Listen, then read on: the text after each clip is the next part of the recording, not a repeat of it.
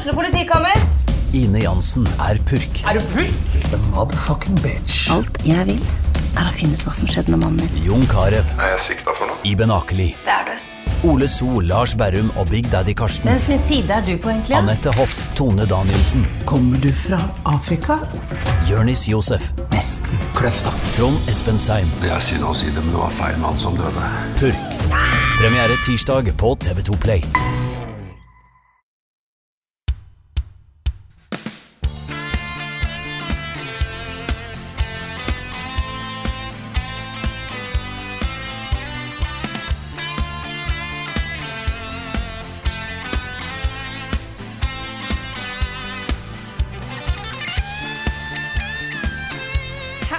Alle sammen, og velkommen til en ny episode av podkasten Level Backup med meg, Frida Danmo. Og i dag har vi liksom miksa litt opp. I dag har jeg med meg Karl Martin Hogsnes og Niklas Halvorsen.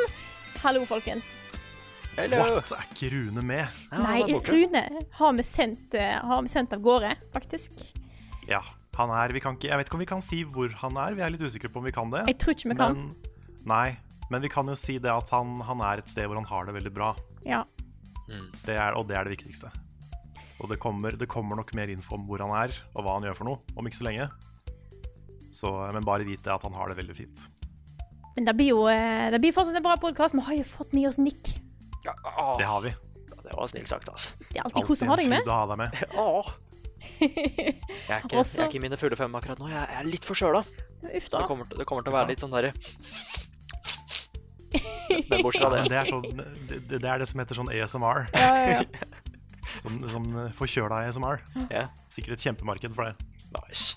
Men jeg må jo, før vi setter ordentlig i gang med podkasten, så vil jeg selvfølgelig si at eh, på Tilt i Oslo 6. oktober så er det Tiltkast 2.0. Der skal vi, skal du som hører på, håper da. For det blir, sånn som det står på Tiltkast, sykt mange spillpodkasts. Det er Retrotimen, det er oss, det er Spilledåsene, Rad Crew, Spillmatic, Saft og Svele, Lolbua og Nerdelandslaget. Så det er rett og slett en sånn spillpodkastfest. Ja, det er så mange spillpodcaster at det kanskje er farlig å konsumere så mange spillpodcaster på én dag. Yes. Men kom for det. Ja, sjekk ut eh, eventet på Facebook hvis du trenger mer informasjon. Det blir kos. Hva Har du spilt? Spilt i det siste?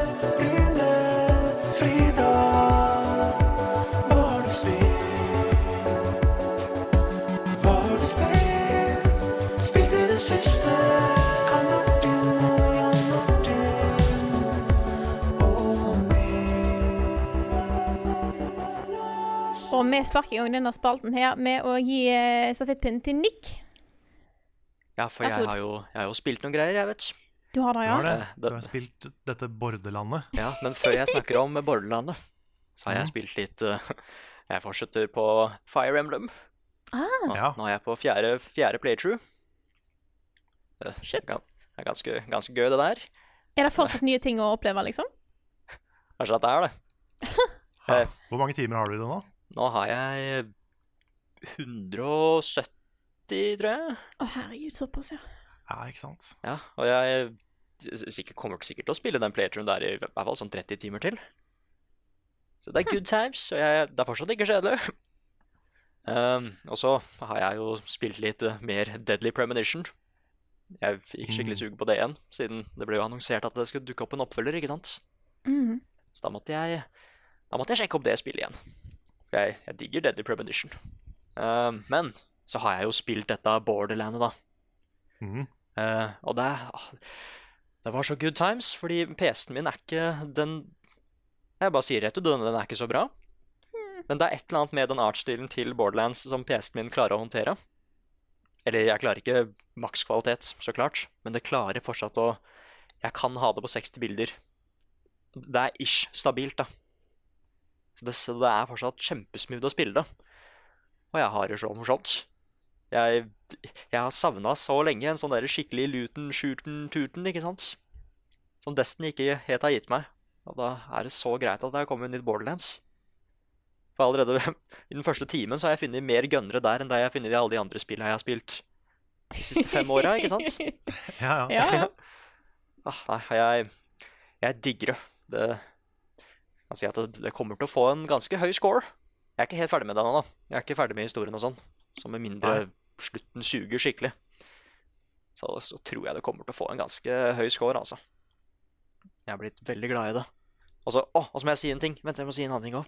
Ja. Mm. Det er jo for sånne forskjellige legendary våpen med Ja, de legendariske våpna har jo sånn der flavored tekst på seg, ikke sant? De har alltid en sånn der quote som skal beskrive hva våpenet handler om. Og da er jeg, det første jeg har funnet, er at eh, jeg fant en bazooka som skyter burgere. Den, den sendte jeg til deg, Carl. Mm. Da sto det bare 'damn'. Damn, Ja. damn, Jeg damn, Jeg damn. satte veldig pris på Ja. Damn! Med Y. Det er sånn, av, av internettmemes så er det en av de mest holdsomme internettmemesa. For det er bare en mann som er utrolig, utrolig glad i burgere. Ah, Jeg, er sånn, jeg skulle ønske jeg var så glad i noe som han er i burgere. Ja, bare Noe, liksom. Bare et eller annet. Hva som helst. Men så fant jeg også en gunner, og det er Nå husker jeg ikke hva den heter, men det er jo søren meg en referanse til The Prestige. Nei. Oi. Så det er faktisk en The Prestige gun som skyter lyn. shit. Mm. Ha. Og så er det så kult, fordi det den gjør, er at den kan dele Den skyter en sånn liten sånn lynstråle, men av og til så skyter den to. Skulle nesten tro at det, den klona strålen. Shit. Oi. Mm, så da er det en quote eh, fra filmen der, da. Ah, Så det er eh, Så jeg har funnet Rick and Morty og Ringenes herre og Dark Souls-referanser overalt. Wow. Jeg tenker alltid når jeg ser sånne ting, bare sånn Har de, har de, har de lov? Har de spurt om lov? Ja, det er Hvordan vel må sånn gå fram når en skal gi sånt? Nei, jeg tror det er ikke det bare sånn parodilover Ja, Jeg tipper det er innafor. Jeg holdt på å si De to fiendene het Wick and Warty. Så det, det Ah. Ja, ikke sant. Så det da er det jo selvfølgelig innafor. Men da er det jo ikke basert på noen ting, da er det jo originalt. Ja, det er originalt. Ja. Mm. Nei, og det kommer en anmeldelse av det. Vi- fikk ikke kode før eh, lansering, dessverre. Og det spillet er litt stort. Jeg har litt lyst til å spille de andre karakterene òg. Så akkurat nå så Mm. spiller jeg han derre assassin-karen som kan lage kloner og sånn. Men jeg må jo få prøvd de andre. Og fullføre historien, så klart. Ja, Det virker som det var sånn fem stykker i verden som fikk eh, kode før launch. Ja. Så da var, vi var ikke blant de fem, altså. Jeg lik, liker ikke. Det er noe muffins der, altså. Det er det, altså. Men, eh, men det er bra det lever opp til forventningene. Ja, det, det gjør jeg. Ja, jeg har savna Borderlands, ass. Så det, det er det jeg har holdt på med. Ja. Ja. Yeah. Skal jeg uh, ta over? Kjør på. Ja, jeg kan jo begynne med å si at jeg har da endelig kommet til rulleteksten i Monster Hunter World. Hei! Og det tok, det tok bare litt over 40 timer i en expansion. Det er en solid DLC, ass. Ja, dette er jo da Iceborne, som kom nå for eh, Jeg husker ikke helt når det kom, en uke siden, eller sånn. Mhm. Og jeg har jo spilt det ganske intensivt for å lage noe på det. Endte opp med å lage en litt sånn anmeldelse slash guide til eh, hvordan dette, dette spillet og den expansion funker. Mm. Og eh, da hadde jeg nesten kommet meg gjennom, og nå har jeg kommet meg helt gjennom. Siste boss var eh, så først ut til å være en sånn veldig lett gimmick fight, og så plutselig så var det ikke det lenger. Men eh, det gikk til slutt. Ah, nice. Yeah. Og det, mm, det er jo ikke ferdig sånn sett, for det er jo rulleteksten er jo bare Det er jo da endgamet begynner. Ja. Så jeg kan jo spille de 100 timer til hvis jeg vil, men jeg tror kanskje jeg må legge det fra meg litt nå, bare for å spille litt andre ting og fokusere på andre ting. Det kommer jo et spill nå i natt, eh, når vi spiller inn dette her, som jeg skal begynne på, nemlig Zelda Links Awakening Ah, på Switch. stemmer. Det kommer jo nå eh, rundt midnatt, tenker jeg. Natt til fredag, sant? Ja, Ja. Mm. det, i hvert fall hvis jeg har skjønt det riktig, så er det da det kommer. Yeah. Så det skal jeg spille. Oh, det er det Eh, første spillet jeg spilte. Er det det? Mm. Jeg spilte aldri originalen, nemlig. Oh. Så dette kommer til å bli helt nytt for meg. Men jeg har hørt rykter om at det er en sånn stor fisk i himmelen. Er det, det er det jeg vet om eh, Link's Awakening. Altså, altså ikke, ikke vet jeg. Nei, Ikke, ikke vet jeg. Så jeg håper ikke det var en spoiler. Men nei, det er neste neste på tapetet. Nå eh, kommer jeg til å legge fram Monster Hunter en stund. Det er vanskelig å gjøre det, fordi du får jo jeg, jeg tror ikke dette er en spoiler å si, men du får jo tilgang til en god del nytt eh, etter du har runda spillet. Mye ny armor, nye områder, eh, ting å gjøre. Som er mye mer fokusert på den der evige Monster Hunter-grinden for å få det beste lutet, det beste gearet og ultimate våpen og sånne ting.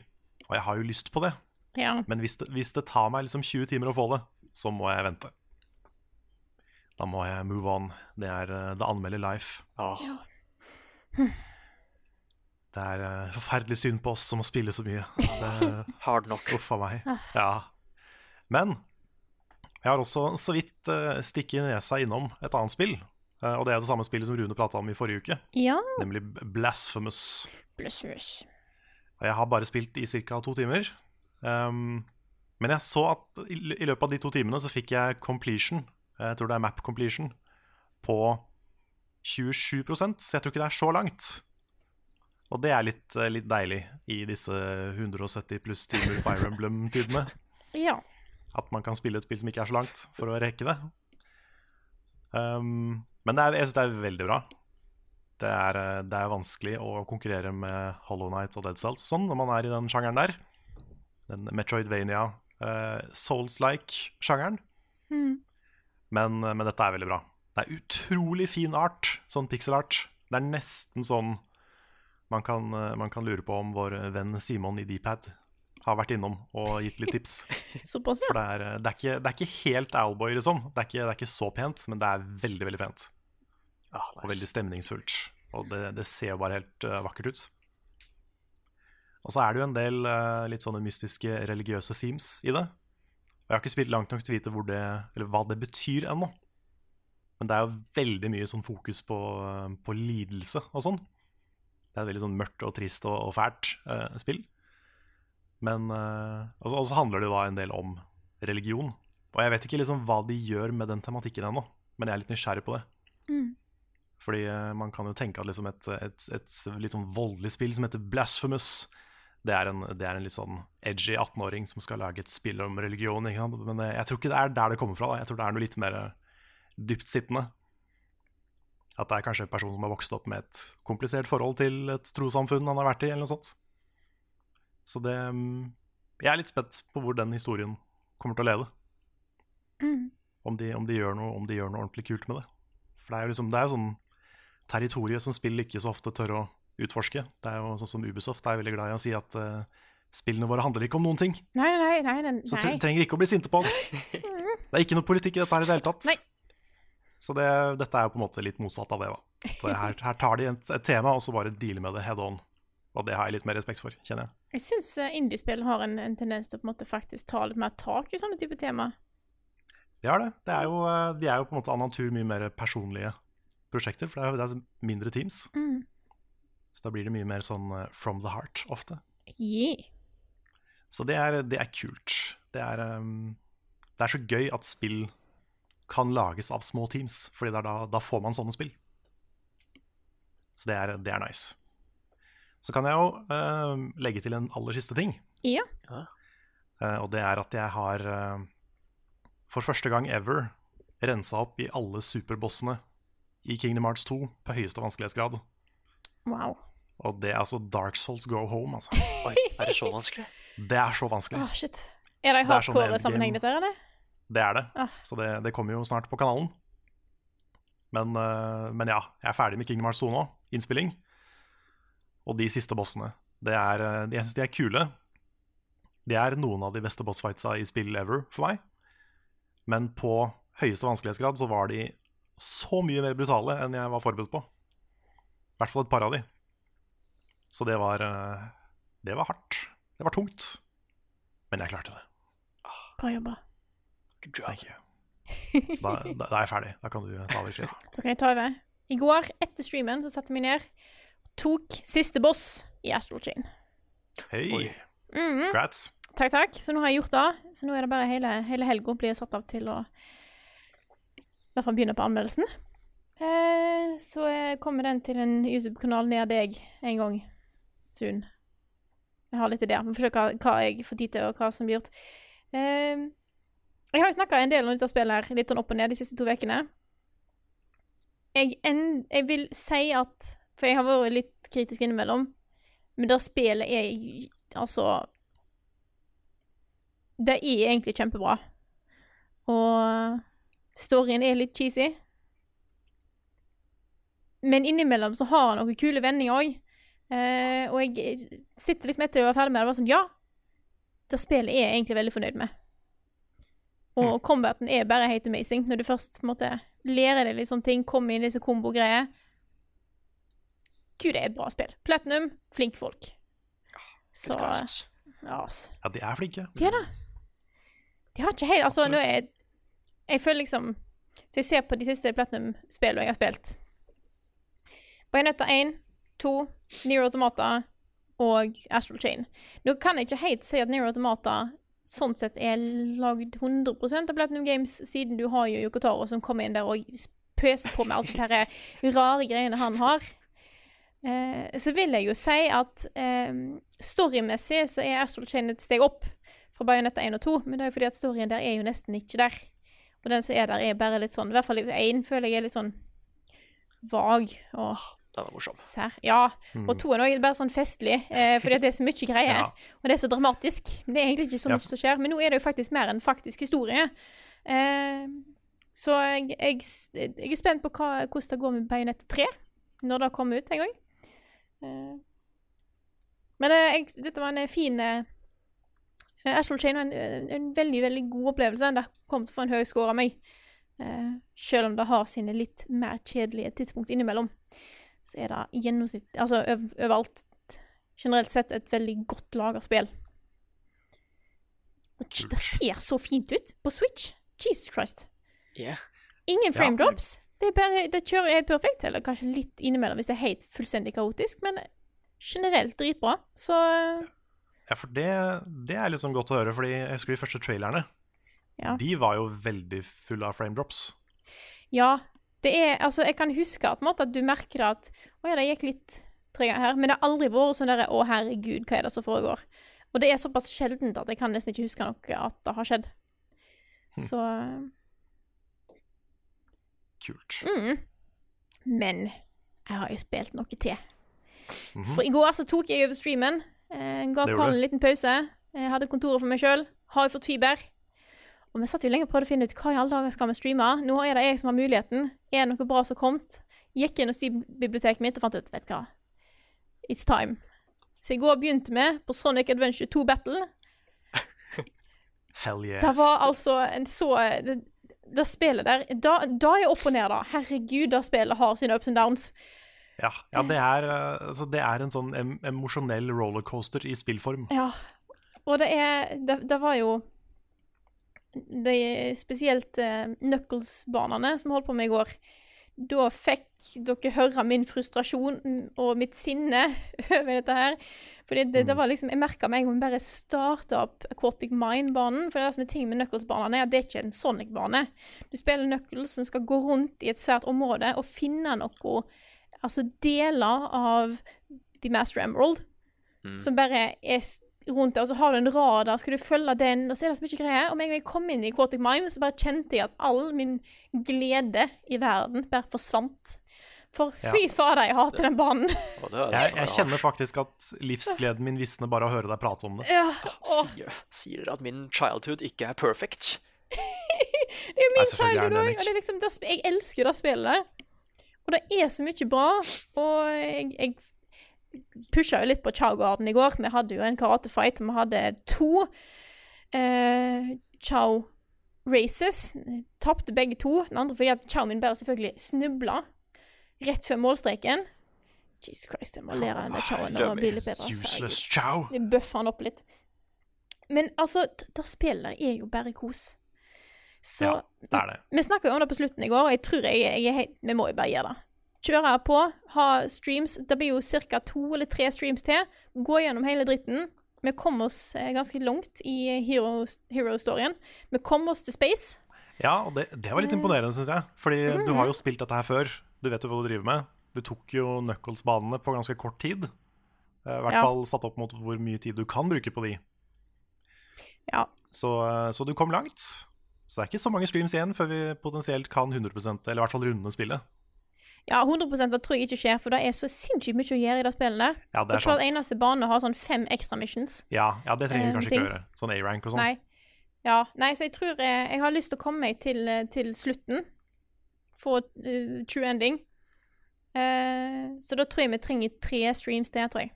Eller to, hvis vi kjører litt lenger enn to timer. Ja. Det blir nok ikke på onsdagsstreamen. Eh, for jeg tror at å ha Sonic i så mange uker i strekk eh, kanskje ikke er det alle vil ha. Eh, selv om det helt klart er det jeg vil ha Det, det, er, det er rart. Eh, Det er, det er veldig veldig rart, men det fins folk som ser på Level Up og hører på den podkasten her, som ikke er blodfan av Adventure 2, altså. Det er rart. Ah, sant, det veldig satt Nei, så jeg har lyst til å få det til, fordi at jeg har lenge, sånn i årevis, tenkt på at jeg har lyst til å gjøre et eller annet på Sonic Adventure 2 Battle. Fordi det er et spill som er, Det er da spillet jeg har spilt mest opp under oppveksten, jeg er helt sikker på. Det står meg veldig nært personlig, og så tenkte jeg OK, skal vi lage klassikerinnslag? Det er jo flere i redaksjonen som er glad i det. Burde vi lage et felles klassikerinnslag? Skal vi lage en Let's Play? Så nå på en måte får jeg gjort noe på det, og jeg får såpass mange timer der jeg kan snakke om det, at da føles som en god måte å gjøre det på. Mm. Ja, for det, det er jo faktisk, med unntak av Rune og Lars, så tror jeg alle i Level Up er veldig glad i Adventure 2. Ja.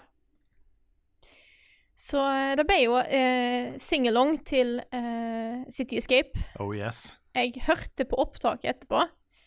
Eh, det som skjedde, var jo at det var en liten delay mellom videoen og lyden i spillet, som førte til at det var en delay mellom eh, det som streamen hørte av lyd på spillet, og jeg som sang. Og så var det i tillegg en delay på deg, Carl, for du var jo på Discord. Ja. Så det var liksom Det var bare sånne delay i helvete. Men det var noe, jeg, jeg så litt på opptaket etterpå, det var, noe, det var noe rart med lyden som skjedde etter hvert. Fordi Ja. jeg ble enda mer delayed etter hvert også. Ja, jeg vet ikke hva som skjer der, men uh, sånn er det når jeg prøver å streame. Da er det er alltid et eller annet som, som skjer, men uh, Men det er streaming. Det er, liksom, det er et eller annet gærent, og så vet man ikke hva det er. Jeg, brukte, jeg tror jeg brukte i hvert fall ti streams på rad på å få den første liksom, teknisk perfekte streamen. Men nå er det i hvert fall ikke nettet mitt det står på. Nei, det er bra. Det er Så, bra. så var det også riktig. Men eh, det, dere skal ikke se vekk ifra at det plutselig dukker opp en eh, par-tre ekstra Sonic-streams. det kan være at jeg driver og bøffer den chowen litt utenom. Så dere slipper å se meg bare farme dyr. For jeg tenker at vi skal, dere skal få sett hvordan en buff, superbuff chow ser ut. Yes. Vi tar et race på ekspert. Oi, Det er på en måte Det er målet mitt, og det krever noen timer. Men det kan være at jeg gjør det litt sånn på sånn kosetid utenom. Nice. Da skal jeg ikke progresse historien. Da er det viktig, ja. Så Og dette er også en prequel til noe som kommer på kanalen etter hvert. Fordi mm -hmm. Frida og jeg har jo da begynt å spille Shadow the Hedgehog i, Let, mm -hmm. i. Let's Play-serien Edgehogs, som kommer på kanalen etter hvert. Så du kan se på dette her som en slags build-up til den serien. Ja, det var vel egentlig da vi fant ut at når vi først har satt i gang nå, så tar vi hele, hele spillet, sånn at dere får hele historien, så dere er klar til å skjønne hvem Shadow the Hedgehog er. Ja, Eh, Da kan du få ja, ja. med deg hele den torturerte historien til, eh, til Shadow. yes. Shit, kommer vi faktisk til å få Live and Learn på stream? Det kommer til Det å bli. Live and Learn på stream, og da blir det synging, og da kommer jeg til å drite i at det ikke er uh, on time. Kanskje jeg skal jobbe for å prøve å få det så godt jeg kan, men det blir Live and Learn. Ah, da kan jeg være kor. Ja, På Ja. refrenget, så klart. Så da må vi jo eh, Da, vil jeg, da skal du òg være med, Nick. Yeah. nice. Så alle kan være med og synge på Live and Learn, for det er jo eh, kanskje var jo en av de viktigste sangene mine min oppvekst, for den var jo passe edgy. Eh, Hvis vi tar hvert vårt opptak, så kan du synke det etterpå, Frida, og så legge det ut på det YouTube. du hva det er faktisk det jeg har tenkt å gi. Ja. be dere om å gjøre. Nice. Ja. Så det kan være vi må gjøre det sånn, bare for å få det For å få det liksom i, greie nok. Det blir jo ikke bare på stream, men etterpå. Så har vi det. Ukens anbefaling. Hva skal jeg mene på? Ukens anbefaling. Hva skal jeg mene på? Rune har jo dratt på tur. Men det betyr ikke at vi ikke kan anbefale serier i denne podkasten her likevel. Nei, det er ingen som anbefaler så mange TV-serier som Rune Fjell Olsen, Nei. men eh, jeg skal gjøre mitt beste mens han er borte, og anbefale en Netflix-serie. Den er ganske ny, tror jeg. I hvert fall så ble den pusha på forsida så mye at jeg så den. ja. Og det, og det gjør de gjerne ofte med nye serier, så jeg tror den er ganske ny. Men det er da en, eh, en miniserie på fem episoder. Hver episode er ca. 20 minutter lang. Og serien heter The Mind Explained. Mm. Så det handler jo veldig om da psykologi og menneskehjernen, hvordan den funker rent teknisk, eh, hvordan den påvirker måten vi er på. Og det er da fem episoder. Den første handler om hukommelse. Den andre handler om drømmer. Den tredje handler om angst. Den fjerde handler om mindfulness og meditasjon. Og den femte handler om psykedeliske drugs. Oh. Så det er en mer informativ serie dette her enn en fiksjonsserie? Ja, det er 100% informativt. Det er en, uh, litt sånn dokumentar. De snakker med psykologer, de snakker med mennesker som har angst, f.eks. Uh, folk som, er, uh, som har tyda drømmer. Hmm. veldig mye sånne ting. Og den er veldig, den er veldig vitenskapelig. Jeg, ikke, jeg kan jo ikke nok om dette her til å drive og faktasjekke, men det virker som den er ganske troverdig. Så det er, jeg syns det er veldig spennende. Den, uh, jeg så alle episodene på en kveld. Det er fordelen når de er bare 20 minutter lange og fem episoder. Ja, ikke sant? For det er jo like langt som en film. Mm. Så du kan, du kan fint binge den serien her og få, få noen sånne åpenbaringer om hvordan menneskehjernen funker. Og det kan, det kan også være liksom at du plukker opp noen sånne teknikker. For de går litt inn på uh, dette med meditasjon og pusteøvelser. De går inn på uh, måten å trene hukommelse på. Og det er noen ting der som du på en måte kan plukke opp som, som tips da, som du kan bruke. Så dette er en, dette er en kul serie. Jeg syns det var veldig fascinerende å se på.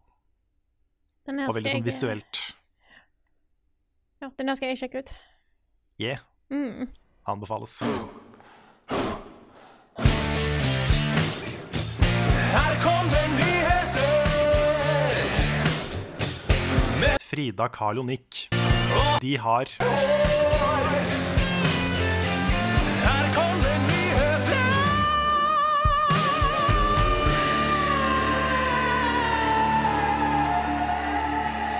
Da er det vi som kjører nyheter denne gangen her, ja. Det er det. Eh, Det er bra vi fikk en ny introsang til bare den. ja, det var bra at uh, vi fikk ordna det ordentlig. Ja, det hørtes ut som mye jobb. Ja. Men eh, vi har et eh, solid eh, nyhetsprogram foran oss, så jeg bare begynner med det som står på toppen her, som er en av de store nyhetene til Nintendo. For Nintendo har jo helt klart en, jobb, altså en plan om å gjøre folk godt trent, og har nå lansert Ring Fit Adventure. Som er jo et eh, Sånn som det står forklart på nettsida. Explore a fantasy adventure world to defeat a bodybuilding dragon and his minions using real life exercises. Bodybuilding Dragon for Smash. Ja. Det her blir bra. De har jo, Konseptet her er jo at du har en eh, ene joyconen fester du rundt låret eh, i en sånn der strap, mens den andre festes i en sånn pilatesring. Som du bruker til å gjøre ulike treningsøvelser og eh, sånne ting. Det er jo på en måte next level WeFit, dette her. Ja, Hva, hva syns dere? Hva tror dere? altså, jeg har jo ikke sett eller hørt noe om det, men det hørtes jo nesten ut som en god idé, da. Ja, fordi eh, jeg har sett den traileren. Den er Mm. ganske lang. Det er sånn, nesten sånn dokumentartrailer som går inn på hele spillet, hvordan det funker, og eh, teknologien. Og det er to utrolig gira mennesker som forteller deg om dette spillet. Oh yes. Det er de mest litt sånn påklistra smilemenneskene jeg har sett noen gang, tror jeg. Men, eh, men bortsett fra det, da, så er dette her en ganske sånn kul greie. Jeg er litt nysgjerrig, jeg har litt lyst til å prøve det. Ja, for jeg er nesten utelukkende positiv til dette her. Fordi at det Mm. de har gjort nå, er at de har tatt en De har tatt liksom Nintendo sin ekstremt lekne uh, approach til ting. Uh, lag noe som ser ut til å være et ish-spill. Som kan ha sine underholdningsverdier. Og kombinert det med faktiske legit treningsøvelser. Mm. Og det er ikke bare et spill, det er jo et turn-based RPG, Ja, sant? Yeah. hvor du slåss Så- mot fiender ved å trene. Og så i tillegg så kan måte, du justere vanskelighetsgrad eller sånne ting ut ifra hvor trent du er og sånne ting. Jeg syns dette her faktisk er litt kult. Jeg skjønner ikke helt på måte, Nintendo sin eh, måte, Jeg skjønner jo at de på en måte vil gjøre dette her, men det, det føles litt som at Jeg tenker litt på at det, det er jo den stereotypen om at alle gamere sitter inne og bare eh, ikke beveger seg. Eh, men jeg tror dette her mer er et tilbud for alle som faktisk har lyst til å kanskje begynne å trene litt, men som ikke helt syns det er gøy å gå på treningsstudio og, og sånne ting. Så her får en legit øvelse, eh, og det ser ut som joycon sånn sett er, ut fra hva jeg så på videoen, eh, at det er programmert, og altså at han, han er sensitiv nok til å på en måte merke når du gjør ting ordentlig, så du får litt feedback òg. Mm. Eh, og bare da å på en måte pushe deg sjøl til å gjøre sånne øvelser. Det, det er jo litt sånn som Beat Saber, som også er veldig sånn der Kan bli litt sliten av dag. Så jeg, jeg syns det ser egentlig litt kult ut.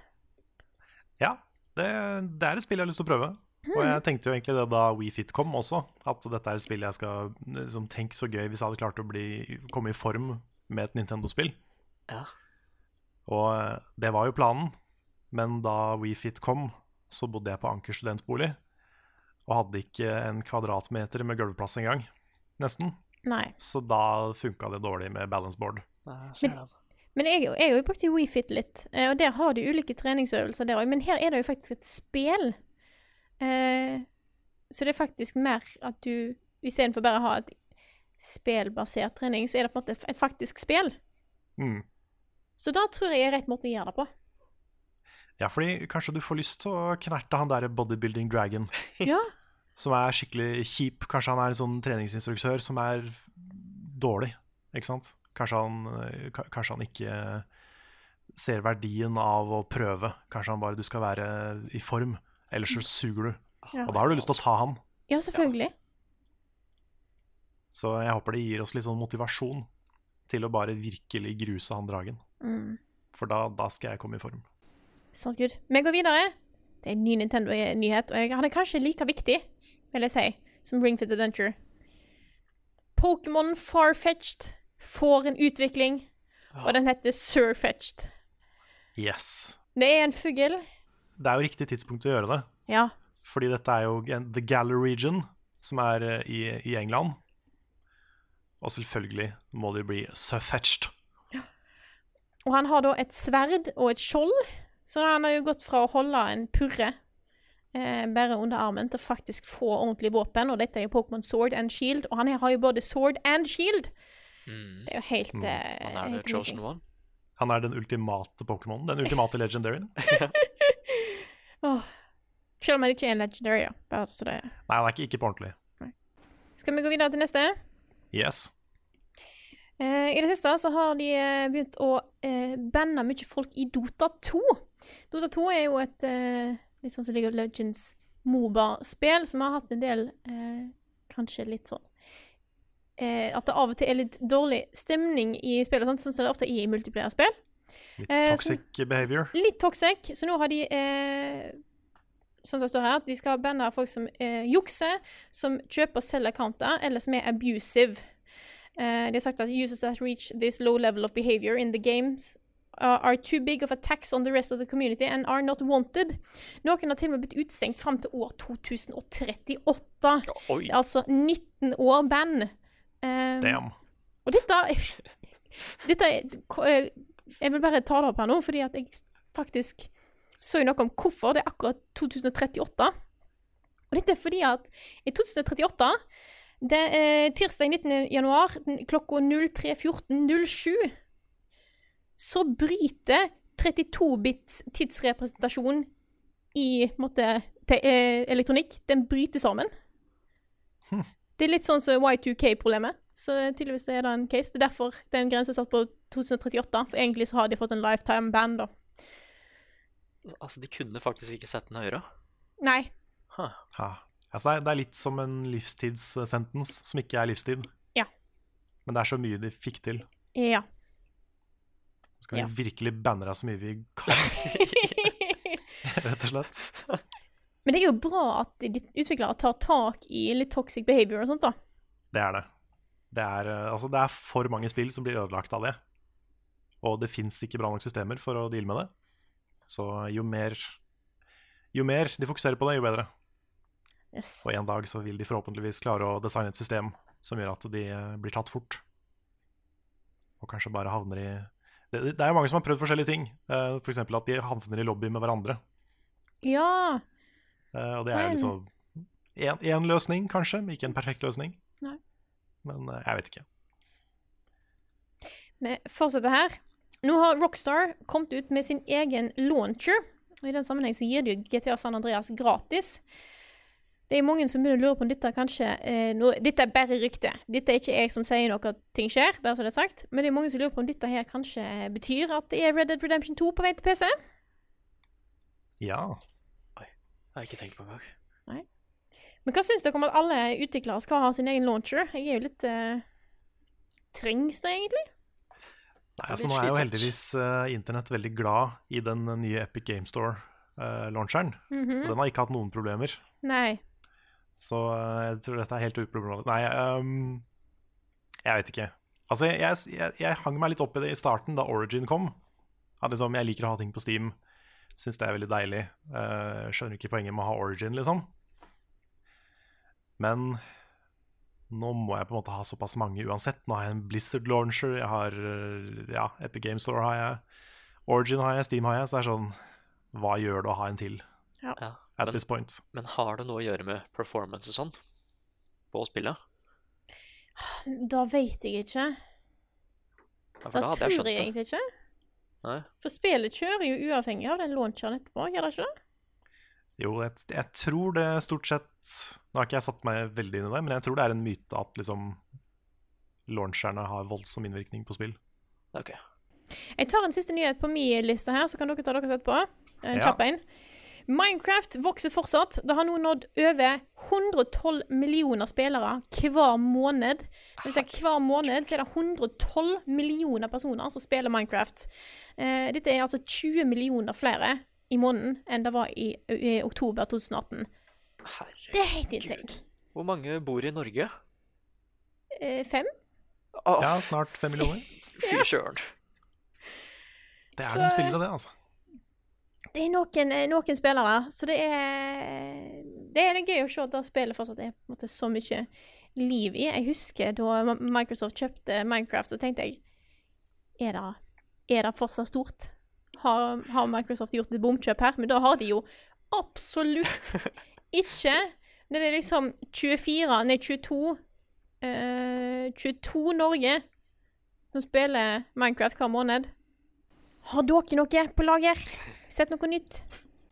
Nei, fordi det jeg har, er at uh, dette, dette nye Final Fantasy 7 remake-shabamen skal ha to moduser. Ja, En ny en og en classic. det stemmer. Det, det er det alt jeg vet. Ja, nei, for de har jo vist fram det nye kampsystemet, som er veldig annerledes fra originalspillet. Det er jo et nytt spill med historien til Final Fantasy 7, det her. Um, men da som en sånn uh, Som en liten nod til originalen og fans av originalen, så er det lagt til classic mode, som ikke Det, det blir jo ikke helt det samme som originalen hadde. Det er veldig sånn turbaserte, klassiske kampsystemet, men det blir ganske nærme det, da. At Ja. veldig mye av det ekstra blir gjort automatisk, mens du bare velger commands, sånn som i, i gamle dager. Ja, for jeg, jeg har jo ikke spilt det. Så da lurer jeg Nei. liksom på hvilken modus bør jeg starte med? Jeg kommer til å spille det nye, Ja. fordi jeg tenker at dette er et nytt spill. Uh, og det er liksom, ja, det er Final Fantasy 7, men det er laga med det nye kampsystemet i, i, tank, i tankene, da. Ja, ja. Mm. Så jeg tenker at det, er, det burde være standardsystemet. Ja, for jeg ble, så, jeg ble så blown away av den bosskampen vi så på Hetere. Ja, Mm, det så så fett ut. fy fader. Det er jo ikke Det, det ligner jo ikke på originalen engang. Det er jo milevis uh, Altså, det er, det er så mye mer over the top, så mye større, og mye mer som skjer. Så uh, jeg, jeg tror det er the way to go, altså. Så får man heller bytte til classic hvis man virkelig ikke liker det nye. Yeah. Det er i hvert fall mitt, mitt perspektiv. Yeah. Men jeg kan ta en annen nyhet her. Mhm. Eh, hvis man spiller Pokémon Go fortsatt, så har jo eh, generasjon 5 begynt å komme. Fortsatt ikke Rowlet, men, eh, men det nærmer seg. Give time.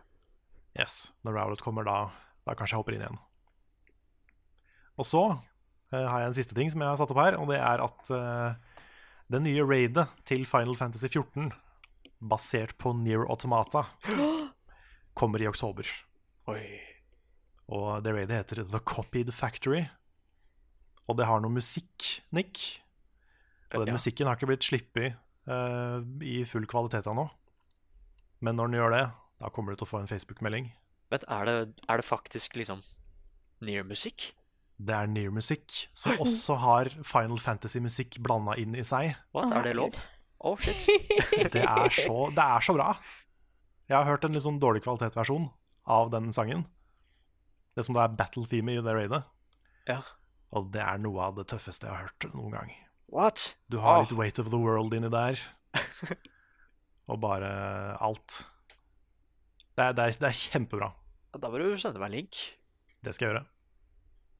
Så det, det er jeg ganske høyt på nå. Dette er jo da patch eh, 5,1, som er den første store patchen eh, siden Shadowbringers kom.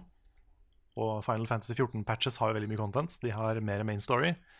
De har nye dungeons, en del eh, tweaks på, eh, på klasser og, og gameplay. Nye sidequests, ting og tang. Så hver gang et patch kommer til det spillet, så er det liksom en event. Og det, dette blir første gang jeg kan oppleve, oppleve en patch i real time. Oh. For nå har jeg catcha opp, ikke sant. Mm. ja, ja. Så det, det blir spennende. Kommer Ruen sin standup på DVD, eller? Hvorfor er Mario rørlegger? Og vi setter i gang med et spørsmål som kommer på en måte fra to personer. Det er både Martin, eh, Martin Herfjord spør kan dere fortelle litt om deres hverdag utenom level up, hobbyer, kattepuser etc. Og Sofia som spør bortsett fra spill, film og serier, inkludert anime og manga, hva hobbyer har dere? Ah, uff a meg. I remember hobbies.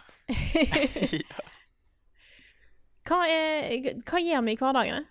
Hva er det som skjer utenom eh, gaming? Nei, altså, jeg har jo kattepuser, som de sa. Mhm. Ja, det, det er veldig, veldig koselig. Jo. Klapper dem og mater dem og Men Du, uh, du har hund òg, har du ikke det? ja. ja. To, to hunder. Hei. Tiny Oi. Tina og Tintin. Og Tiny Tina og Tintin. Kan du si det mange ganger fort? Går det? Tiny Tina og Tintin. nei jeg, jeg greier ikke. Nei. Jeg, jeg er ikke en sånn uh, Jeg er ikke en sånn ordsmed altså, som klarer å si det så fort og så, så presist. Men, uh, men utenom det så er, jeg veldig glad til å tegne. Ja. Driver og mekker sammen ting og tang på Photoshop. Det er vel egentlig Det er, å si, det er vel egentlig det akkurat nå. Men jeg har lyst til å lære meg et instrument en gang. Så jeg tenker, Mm. og jeg tenkte litt på at liksom Jeg er så veldig glad i å liksom se ja, Nå kommer jeg til å snakke om anime, så de sa at jeg ikke skulle, men jeg er så glad i de Når det kommer, dukker opp bra spill og animemusikk og sånn, så elsker jeg å høre pianoversjonen av den. Ja. Og da blir jeg litt sånn der Jeg, jeg, jeg kan få til det hvis jeg vil, jeg òg. Ja, do it. Ja, så det hadde vært veldig gøy å lært piano på den måten der. Jeg vil helt, altså Nå med internetts uh, store muligheter, så vil jeg, jeg er helt sikker på at det fins gode sånn nybegynner-tutorial-greier Mhm. på å lære seg piano. For det er jo the best instrument, ikke sant? Ja. Du har så mange muligheter. ass. Ja. Mm. Så, så det, det har jeg lyst til å lære på fritida nå, når ting har roa seg litt ned. Ja. Men nei, bortsett fra det, så er det egentlig bare hobbyene mine er jobben òg. Ja. Jeg tok eh, pianotimer en gang, eh, men eh, endte opp med å slutte fordi det var det, det, det var litt sånn ekkelt. Ekkelt. Okay.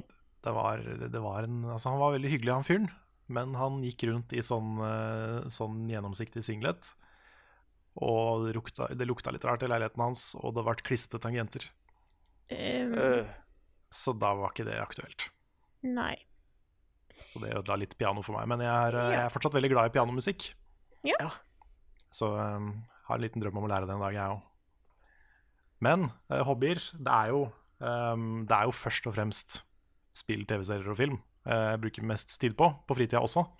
Men uh, utenom det, da, så er det jo eh, Jeg liker å skrive. Litt sånn eh, Skrive ideer til, eller historier. eh, enten humor eller andre ting. Sånn som første sesong av Noscope starta som et litt sånn hobbyprosjekt. Um, jeg liker å bare gå kveldsturer for å bevege på meg. Ja. For det er litt viktig noen ganger. ja, det er det. Eller bare henge med folk. Ofte vi stikker ut, uh, f.eks. jeg og Bjørn stikker ut og spiser og tar en sider og litt sånne ting. Eh, det er hyggelig. Og eh, ellers så er det mye the same old, altså. Jeg er ikke, jeg er ikke verdens mest aktive person, så det er, det er lite sport og sånn. Ja, sånn. Det skal jeg ikke skryte på meg. Jeg sto på snowboard en gang, men det er såpass lenge siden at jeg tror ikke det tels. du kan ikke skryte av den fortsatt? Nei, jeg kan Nei. ikke det. Sammen med liksom bowling er såpass lenge siden at det Ja. Ja, jeg eh, har jo litt ting som eh, skjer. Jeg eh, er jo fortsatt eh, eh, Deltar jeg fortsatt i en del ting som skjer med Linjeforeningen. Jeg var med i Trondheim. Der har jeg fortsatt litt en del ansvarsområder.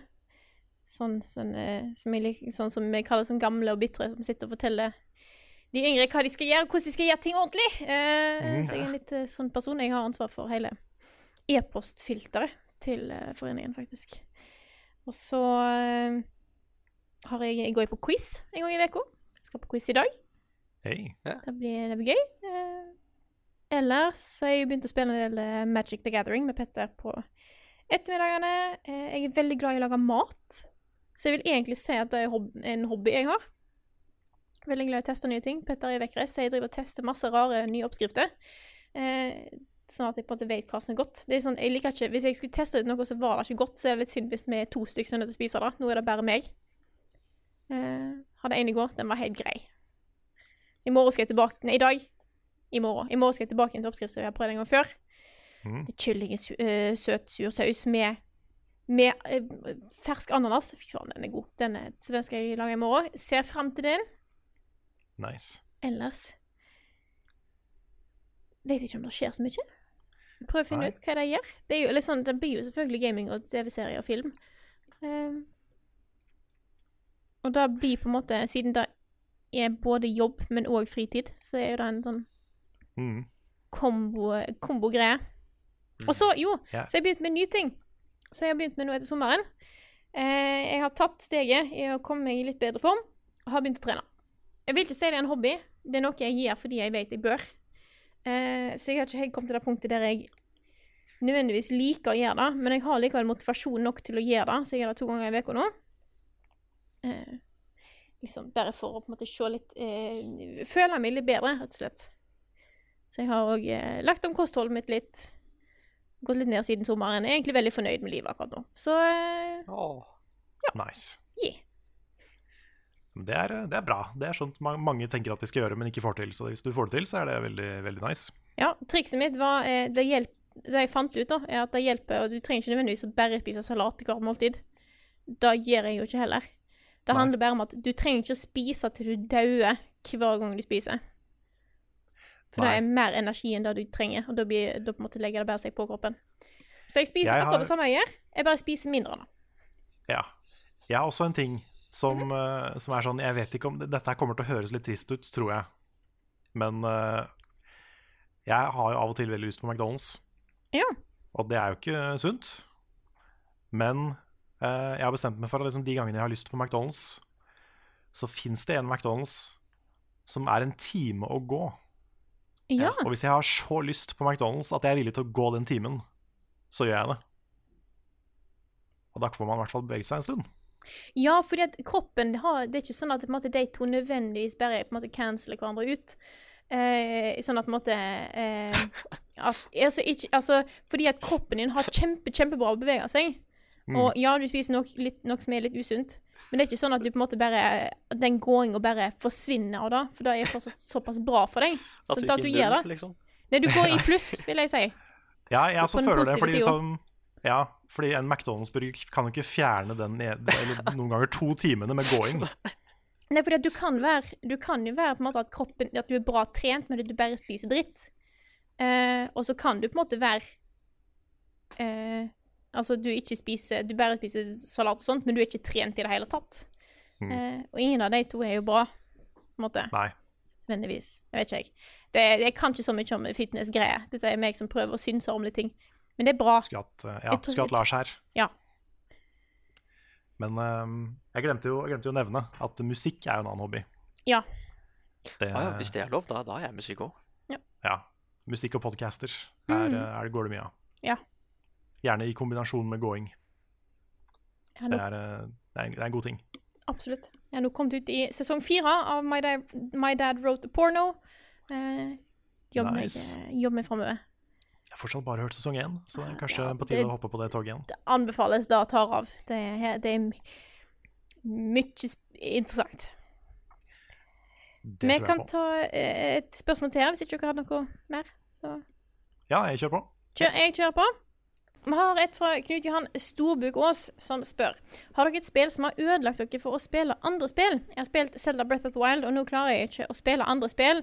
Hvis man f.eks. ikke kan klatre over et fjell, så irriterer jeg meg over det.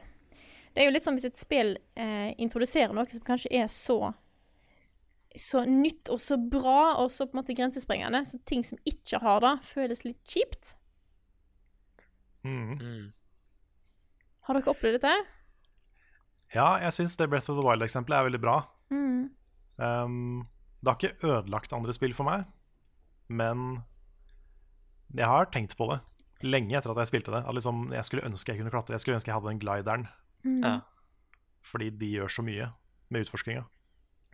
Eh, når Pokémon back in the day introduserte altså springing og sykling, Mm. Mm. spesielt springing, så du hadde det fra start Med en gang det er et spill som gjør at du ikke kan springe, så blir jeg sånn Oi. Ja. This is a Eh. problem. Ja. Så da kan jeg huske var en ting. Ja. Jeg, har- jeg har bare ett eksempel som jeg kommer på nå. Mm. Men det, tror- det tror jeg kanskje er det eneste, for det har bare skjedd én gang. Eh, Det er For jeg, jeg skaffa jo denne da, da, da det første Destiny kom, så solgte de en sånn derre hvit PlayStation. Sånn Destiny-bundle. Mm. Eh, og da, da, da, da skaffa jeg den bare så jeg kunne spille Destiny. Og for et par dager siden så la vi ut den der fra arkivet da vi gikk inn i Vault of Glass. Mm. Og jeg husker at det, hele den opplevelsen der var så gøy at når vi var ferdig, så var jeg da, da var jeg desperat å finne noe som kunne matche det, ikke sant? Og da gikk det to uker hvor jeg liksom prøvde forskjellige nye PlayStation 3-spill, som det derre Shadow of Mordor og sånne ting. Men jeg følte meg så tom, fordi det kunne ikke måle seg med den raid-opplevelsen vi hadde der, da. Og jeg husker ikke hvilket spill det var som fikk meg ut av det. Men det var liksom første gang hvor jeg hvor jeg var nærme på å bli ganske lei av spill, da. For jeg hadde, jeg hadde pika, ikke sant? Mm. Så det var vanskelig å finne noe som kunne matche det igjen. Så jeg husker den dagen der, altså. Var ikke, det, var ikke det før du begynte i level up sånn officially? Jeg tror det. Ja. Jeg, jeg, jeg husker ikke helt. Jeg husker ikke når um, Ja, det var kanskje det. Jeg tror det var det. Det var, eh, Da bestilte vi pizzaer og satt og raida i var det ni timer eller noe sånt. Ah, Det, det var så good times. Selv om vi stanga. Ja, vi stanga noe grusomt òg. Mm. Første halvdelen av raid husker jeg var, det var hardt. Da tenkte jeg at dette her får vi aldri til. Ah, det var, But det we did it. det var fader meg så koselig. Mm. Ah, det var good times. Søren, ass. Jeg, jeg kan ikke se på den videoen uten å bli litt emotional, ikke sant? Nei, nei. For det føles som at jeg hadde, jeg hadde skaffa den nye konsollen, brukt så mye penger for å spille med level up, og spille det raidet samme folk. Så er liksom ja, Må jeg bruke 3000 til for å skaffe en ny konsoll for å få den samme opplevelsen, ikke sant? Det, ja. Må kjøpe en ny konsoll for hver, hver nye store spillopplevelse. ja. I hver farge og ja. ja, Ja, ny, de er og sånn. Men nei, så, så Destiny ødela meg faktisk for, for andre spill. Mm. Gjorde faktisk Ja. det, altså. Ja. Jeg, eh, jeg tror Breath of the Wild og Souls og de spillene der har gjort noe med uh, adventure-spill for meg. Mm. At uh, det er mye, mye høyere bar nå for at jeg skal gidde å spille gjennom et adventure-spill. Både fordi de er veldig åpne, uh, og fordi de er så utfordrende og smart designa. At hvis et spill bare har sånn OK plattforming, bare OK omgivelser, og kanskje et kampsystem som ikke er så dypt, og som ikke utfordrer deg så mye, det har blitt tungt, ass, etter det. de spilla der. Jeg husker litt eh, samme med at eh, Galaxy 1, Mario Galaxy 1 og 2 satte en veldig sånn liste over på en måte hvordan ting kunne faktisk se ut på Wii, og Mm. hvor bra plattformerspill kan være. For meg. Det var liksom bare Ja, sånn det- Dette er der det vi er. Mm. Men jeg Ja, husker da, ikke da ser ikke Mario Raving Rabbits like pent ut lenger. Nei. Nei, uh, Rayman Raving Rabbits. Åh, herregud. Det er jo i 4-3-format. Ja, ja, det er så gammelt, det. Det er Hæ? What? Starten på Wii. Mm. Helt i starten. 4-3-format. Slutt å tulle. Jeg- jeg- Nei. Men eh, jeg husker det var en ting som plaga meg veldig lenge. Det var en periode der veldig mange spill som hadde litt sånn orke orkestrert, sånn fancy symfonisk soundtrack. Men så var det ikke ordentlig orkester. Det var liksom, Du hørte at det var lagd på en PC, og jeg tenkte bare sånn Måtte dere? Kunne dere ikke heller valgt en annen stil? Hvis du først skal ha noe orkestrert, kan du ikke gjøre det ordentlig. For jeg skjønner det tidligere, i tidligere generasjoner, der du ikke hadde teknologien til å faktisk ha det, eller kanskje ikke hadde noe stor nok plass på diskene, eller whatever. Men når det kom til akkurat den overgangen, liksom sånn For eksempel altså, litt GameCube, kanskje mest sånn utover Wii og sånt. Når de hadde sånne store, flotte symfoniske soundtrack, men så var det ikke ordentlig orkester. Det ble sånn Åh, det husker jeg, Da ble jeg skikkelig misfornøyd med. For det var noen spill i dag de begynte å innføre at på en måte, vi har det ordentlig, vi har spilt inn ordentlig soundtrack. Når andre spill ikke gjorde det, så ble jeg litt sånn Mm. Nje. Jeg kjenner meg igjen i den. Det er eh, Det er eh, Jeg vet du er veldig glad i Dragon Quest 11, Nick. Hva er det du skal si nå? Skal si nå? hæ? Men, men, men det soundtracket Jeg syns det er bra, men det er jo ikke orkestersoundtrack. Men det kommer jo nå, da, på Switch. Ja. Ja. Så det er jo kanskje grunn til å begynne å spille det der. Ja, men sett da, For det trengte, var, et- det var et savn. da trengte du ikke å si det heller, da. Nå som du får det. Nei, ikke sant? Nei, så det, er, det, er, det er kritikk av den versjonen som fins, men ikke den versjonen som kommer. Ja. For det, det soundtracket var sånn jeg, jeg har skjønt at Dragon Quest har masse masse fin musikk, Mm. men sjølve kvaliteten, den tekniske kvaliteten på musikken, syns jeg var for lav, og det var litt sånn bummer. Så det, det, det har jeg lyst til å oppleve på Switch isteden. Yeah. Det, det, det går bra. Ja, det, det, det er bra. Ja, det er greit. Skal vi ta et eh, spørsmål til? Kjør på. Jeg kan ta ett her, som er til meg, fra Marius Ren Heide. Han spør kjapt spørsmål til Carl etter at jeg så spilluka. Hvor mange dressjakker eier du? Syns alltid den er på. Og dette er en litt sånn eh, behind the scenes secret. For jeg har, jeg har tre dressjakker. Men tingen er at jeg, jeg tar den på når vi skal filme, og så tar jeg en av etterpå. Så jeg går ikke så mye med dressjakke på ordentlig. Det er, det er på film. Og det har vært en sånn ting eh, egentlig helt siden jeg begynte i Level Up. Vet ikke om det var sånn før jeg begynte, men eh, jeg husker ikke om, om Rune og Carl Thomas eh, brukte dressjakker. Kanskje ikke så mye, i hvert fall, men, eh, men det var en sånn ting vi fant ut ganske tidlig, at vi skulle være litt sånn ikke pynta. Vi var inne på tanken om å bare gå full dress i hver episode av Level Up, Å, wow. men det, litt fordi det var morsomt, og fordi det var veldig lite gamer. Ja. Men, um, men vi endte opp med liksom Ok, hvis vi kjører en blazer og en liksom spill-T-skjorte, f.eks., det var et fint nivå å ligge på. Så det har blitt på en måte level up-uniformen. Men den er jo sånn halvveis pro, da. Jeg syns den er egentlig Det er liksom Du, du, du, du En ser liksom profesjonell ut nok, uten at det, på en måte, det blir for stivpynta. Ja. Det ser jo litt mindre profesjonelt ut når vi sitter i stua til Rune og, og sånn, men, ehm, men jeg er litt sånn Jeg liker litt å ha den derre litt sånn fine stilen. Mm. Det er ikke, det er ikke en finstil, men den er, sånn, den er litt mer enn en hettegenser. Ja. Mm. Jeg syns det, det funker. Det er derfor jeg ofte har har på meg blazer i level up-sammenheng. Mm. Mm. Ah, da må jeg finne flere muligheter å ha på min, da. Jeg bare Ja, brukt den én gang. Det var da vi tok bilder. Å ja, stemmer det. Ja, ja. Kanskje, ka- kanskje vi kan finne en sånn der eh, custom gul blazer? Sånn Nick-blazer? Oh, Shit. Det hadde vært fett. don't even joke about that, for det hadde jo vært kult, jeg vet ikke. Ja. Jeg tror jeg kjenner en som har det. Han fikk han sydd i Asia. Så det er jo litt mer Må Bare bare dra til Asia, få custom-sydd en eh, blazer, og så Vi skulle hatt hver vår farge, så det kunne vært sånn Power Rangers level up. Mm. Ja. jeg, har jo en i jeg har jo en i burgunder. Den er jo på en måte min farge allerede. Jeg holdt på å si Mm. det, at hvis vi har forskjellige favorittfarger, så går jo det. Mm. Ja, fordi Lars er jo blå. Ja. Jeg vet ikke hva min farge skulle vært, fordi det er, så mange, det er, det er mange farger jeg liker, men jeg tror ikke de hadde vært fine blazere, for å si det sånn. Men har du Du- ikke en favorittfarge? Jo, den skifter.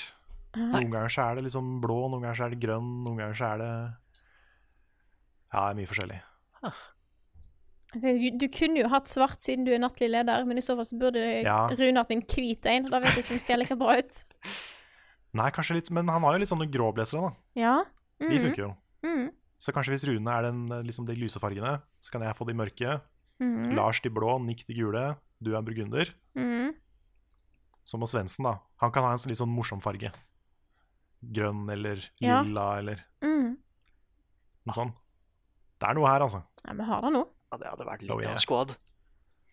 Go, go, Yes. level up rangers. Og Bjørn vet jeg har en ganske rød blazer. Hei. I hvert fall hadde, eh, hvis han fortsatt har den. Mm. Så det er vi uansett, sett, altså. Da er vi klare. Mm. Har dere flere spørsmål på lager? Jeg har et. Kjør på. Ja, fra, fra Felix Danielsen. Han spør hvilke spill er mest kos? F.eks. Stardew Valley og Don't Starve osv. Eh, Stardew Valley og Don't Starve. Eh, Ja, altså. Nailed it. Jeg, jeg må jo si eh, Jeg satte meg jo ned med Terraria igjen. Åh, og da er kos. Mm. Det er kos, altså. Mm. Ah, det Nei, jeg, jeg tror faktisk det er kanskje Terraria som er det ultimate kosespillet. Før så var det Heartstone, Mm. men nå har det blitt så vanskelig, så nå er det liksom ikke kos lenger. Mens med Terraria så kan jeg bare Jeg kan gjøre så mye progresjon. Bare at det ikke er det, det, Hva er det det heter? At jeg er nesten i en sånn der transe, ikke sant? Ja, ja, ja. At jeg bare spiller og hører på musikk eller en podkast eller noe, så kan jeg fortsatt gjøre noe nyttig i det spillet. Mm. Ah, nei, det, det er kjempekos. I agree. Jeg har lyst til å si eh, et sånn standardsvar for meg, da, City Skylines, men jeg har ikke spilt det på veldig, veldig, veldig lenge. Eh, Jeg vet ikke om jeg har spilt det siden jeg hadde den streamen med NMBU. Så jeg vet ikke hva jeg har nå for tida. Det er liksom så få spill jeg har tid til å gå tilbake igjen til. Jeg spiller liksom, tar det opp, bortsett fra sånn eh, Stadio Valley og sånt, liksom. Mm. Det må jo være noe jeg gjør. Hva, hva gjør jeg? Hva, hva, hva er livet mitt? Hva er... Ja, er, hva er livet, egentlig? Hob folk driver og spør om hobbyer. Hva, hva er hobbyer? Nå føler jeg litt sånn som du sitter når du er nettopp ferdig med sånn eksamensperiode. Sånn person, hva, er en vanlig dag? Hva, gjør en egentlig Ja, når en Hallo? Eh, når, altså, når vi har sommerferie, mhm. da bare går jeg full eksistensiell krise. For det er sånn hva, Jeg pleier alltid å jobbe hvis jeg kjeder meg, liksom. Eller hvis jeg, hvis jeg har noe jeg kan gjøre, så gjør jeg det. Og så bare Men nå skal jeg ikke jobbe. Hva? Hva nå? Hvem er, hvem er jeg? Hva er jeg? Mm. Altså- jeg får de krisene på sånne rare tidspunkter. Bare disse lagde pølser og potetstappe. Disse pølsene smakte litt annerledes. Ha, Ja. Hva er det jeg holder på med, egentlig? Det er sånn Hvordan kan jeg dømme meg sjøl for at disse smaker annerledes? Det er sånn jeg alltid føler når jeg skal avslutte podkasten, så glemmer jeg hvordan jeg avslutter podkasten. Jeg er bare sånn Jeg har gjort det! 100 Mm. ganger! Jeg får iallfall ikke til. Ja. Og når jeg spiser Grandiosa med pepperoni, det er sånn Den her smaker ingenting lenger. Er det den som har forandra seg? Eller er det meg? Oh god. Men har du et ultimat kosespill, Karl? Ja, eh, det er jo Det kommer ikke som et sjokk, tror jeg, på på de fleste. Men eh, Kingdom Hearts-serien er mitt happy place. Ja. Det er bare, det er bare kos. Det er gode vibes, det er gøy. Fin musikk. Alt jeg liker. Good times. Good times. Jeg tror mitt må bli Animal Crossing, altså. Det er jo i samme Mm. serie som uh, Harvest Moon og Stadig Valley, men uh, det er sånn Det er bare kos. Det er jo lagd for å være et kosespill, Ja. rett og slett. Skal jeg ta et uh, spørsmål her, jeg også? Yeah. Det er fra Hans Christian Haug, Haugseggen, som spør nå som, det er, nå som det digitale markedet tar over, så spør jeg hvilke spillbutikker savner dere mest? Personlig savner jeg Spiderman-butikken. Jeg hadde bare lyst til å kommentere Spiderman, fordi jeg var aldri på Spiderman. Det er lenge hørte- siden. Jeg hørte legendene om Spiderman i Tønsberg. Fordi vi hadde ikke Spiderman, men i Oslo så var det en svær Spiderman-butikk. Ah, ja. Og jeg fikk ikke vært der før den stengte, men jeg hørte liksom historiene i mange år om hvor kul den butikken var. Så jeg er litt lei meg for at jeg aldri fikk oppleve Spiderman. Jeg var der er bare to ganger. Det var good liksom- times. Jeg har liksom ikke noe forhold til noen sånne butikker. Men eh, hva var det som var så spesielt med Spiderman i Oslo? Det var, Jeg vet ikke. Det var, det var egentlig bare at det var Det var bare spill der. Men det, men det Ja, gikk litt fordi- med på at det var uh, uh, Hvis de andre liksom spillbutikkene fokuserte mer på konsollspill, da, så fokuserte de litt mer på Game Advance og sånne ting. De litt mer små spilla. Mm. Og det eneste gode minnet er jo at eh, det, dette var jo før jeg visste at jeg kunne bruke internett til å finne ut når spillet ble lansert og sånn. Men de to gangene jeg gikk inn dit, det var da jeg skaffa Fire Emblem. Hvor det bare Vent, nå har jeg, nå har jeg spilt eh, Nå har jeg sett Martha Roy på Super Smash, og så dukker Fire Emblem opp her.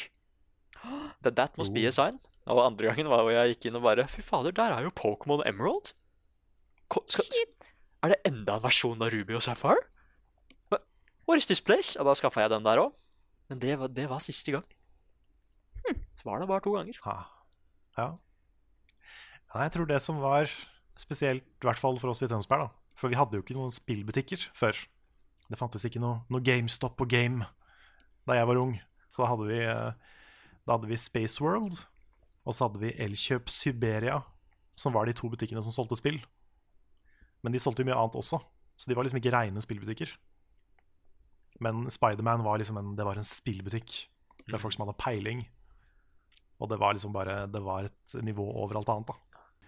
Men jeg vil også gi en shout-out til eh, Game på Karl Johan, som måtte stenge etter mange år. Og det var en butikk jeg likte veldig godt. Fordi eh, der var det folk som hadde skikkelig peiling. De begynte å fokusere på retrospill mot slutten, som var kult. Så eh, der var det mye kult, syns jeg. Det var en fin butikk. Jeg kan heller ikke en spillbutikk, men det var en sånn eh, eh, Litt sånn lignende platekompaniet, men jeg tror ikke han tilhørte noe kjede.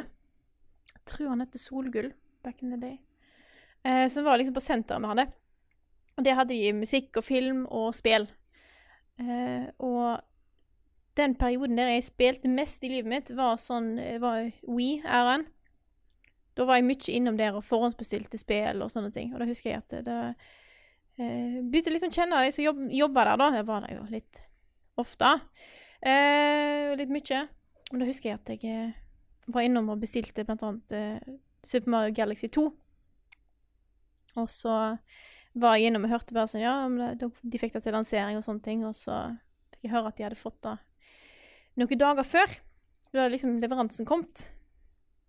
Og så sa jeg at åh, jeg hadde hørt noen som hadde bestilt det på nett, og hadde fått det i posten òg tidlig. Og sa han ja, da kan du da kan du jo få det. Så jeg tror jeg fikk så, eh, Galaxy 2 tror jeg jeg fikk én eller to dager før release. Nice. Da var det sånn, det var så hyggelig og så kos.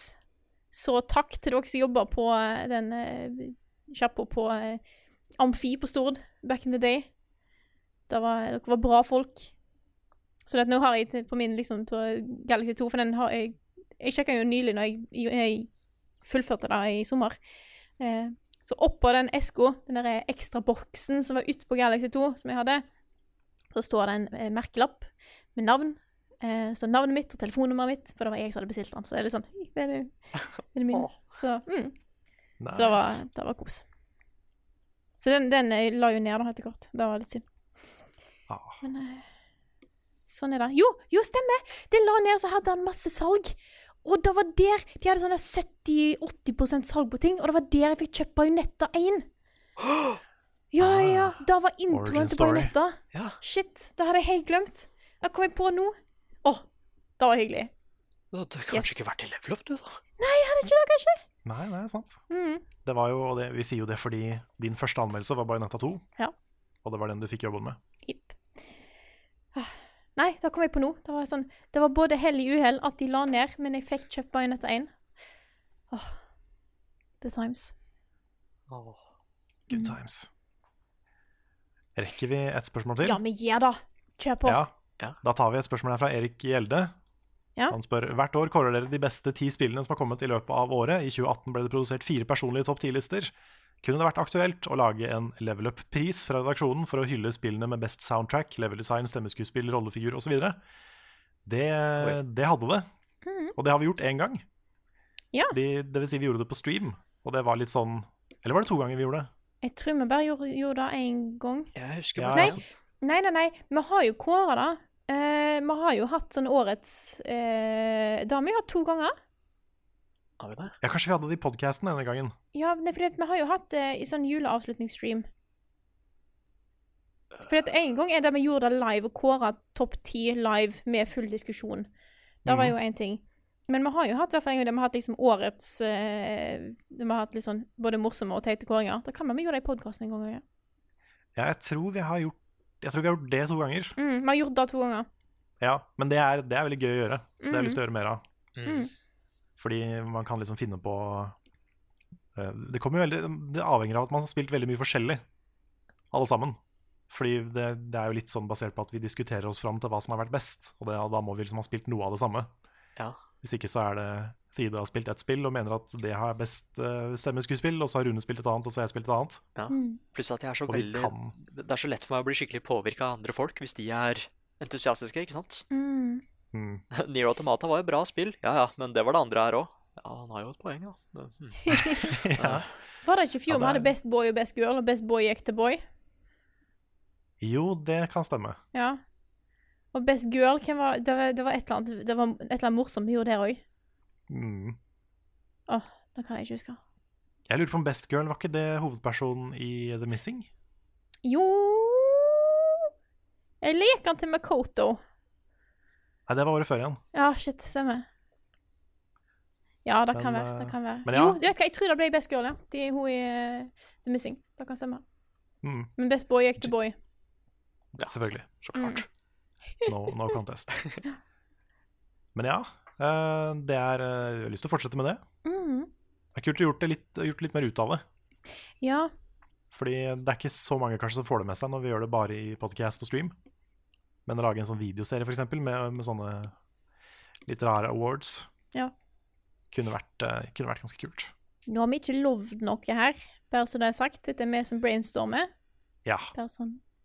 Det hender at vi har sånne redaksjonsmøter live midt i en podcast. Ja. Så det, det, det er det dere var vitne til nå. ja. Litt sånn behind the scenes, hvordan vi jobber. Yes. Mm. Så vil jeg bare komme med den disclaimeren der. Nei, hva sier dere?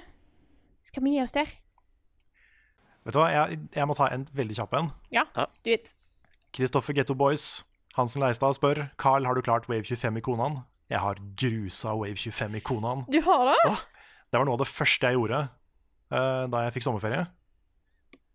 Da klarte jeg siste level. Shit. Shit, da må vi ta uh, 25 waves på co-op, da. Ja, for det er enda verre igjen. Ja, for der er det dobbelt så vanskelig. Ja, jeg er med på det, men nå har jeg glemt mye av spillet. da. Så jeg må lære det på nytt. Men da er vi nødt til å bare fuse og bare Ja. Mm. ja, det, det, det greier vi, da. Hallo. Du- Kanskje. Har vi greid Kanskje. det én gang, så kan vi bare slå sammen og gjøre det igjen. Ja, ja. Ja. Ja, vi får, vi får, bli, vi får, vi får lage sånn synergieffekt. ja. Hvor det du er god på, og det jeg er god på, er sikkert forskjellige ting, og så blir vi en, perfekt spiller. ja. Mm. Vi har gjort det før, så da bare gjør vi det igjen. ja, ja. Ja. Det må vi, det vi få til. Og før vi runder av, så vil jeg f først si tusen takk til alle dere som støtter oss på Patrion. Dere er fantastiske folk. Og hvis du har lyst til å bli med i den herlige gjengen av backere der, så er det bare å gå inn på patrion.com slash levelupnorge og støtte oss med det du har lyst til. Så til dere som støtter oss allerede, tusen, tusen takk. Tusen takk. Thank you. Dere er bra folk.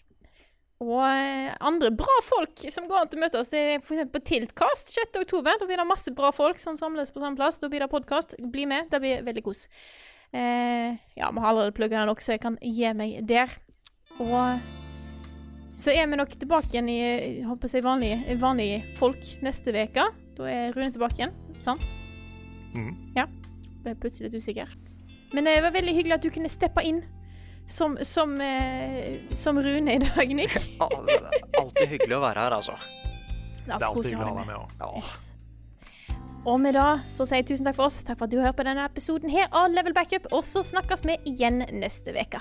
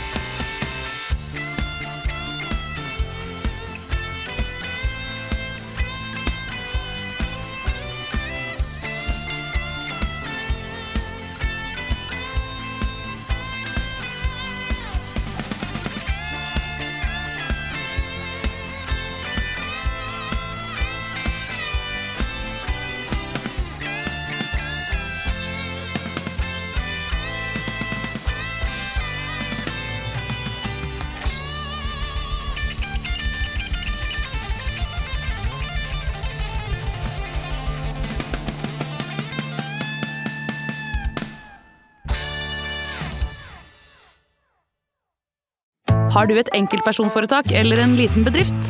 Da er du sikkert lei av å høre meg snakke om hvor enkelt det er med kvitteringer og bilag i fiken, så vi eh, gir oss her, vi. Fordi vi liker enkelt. Fiken superenkelt regnskap.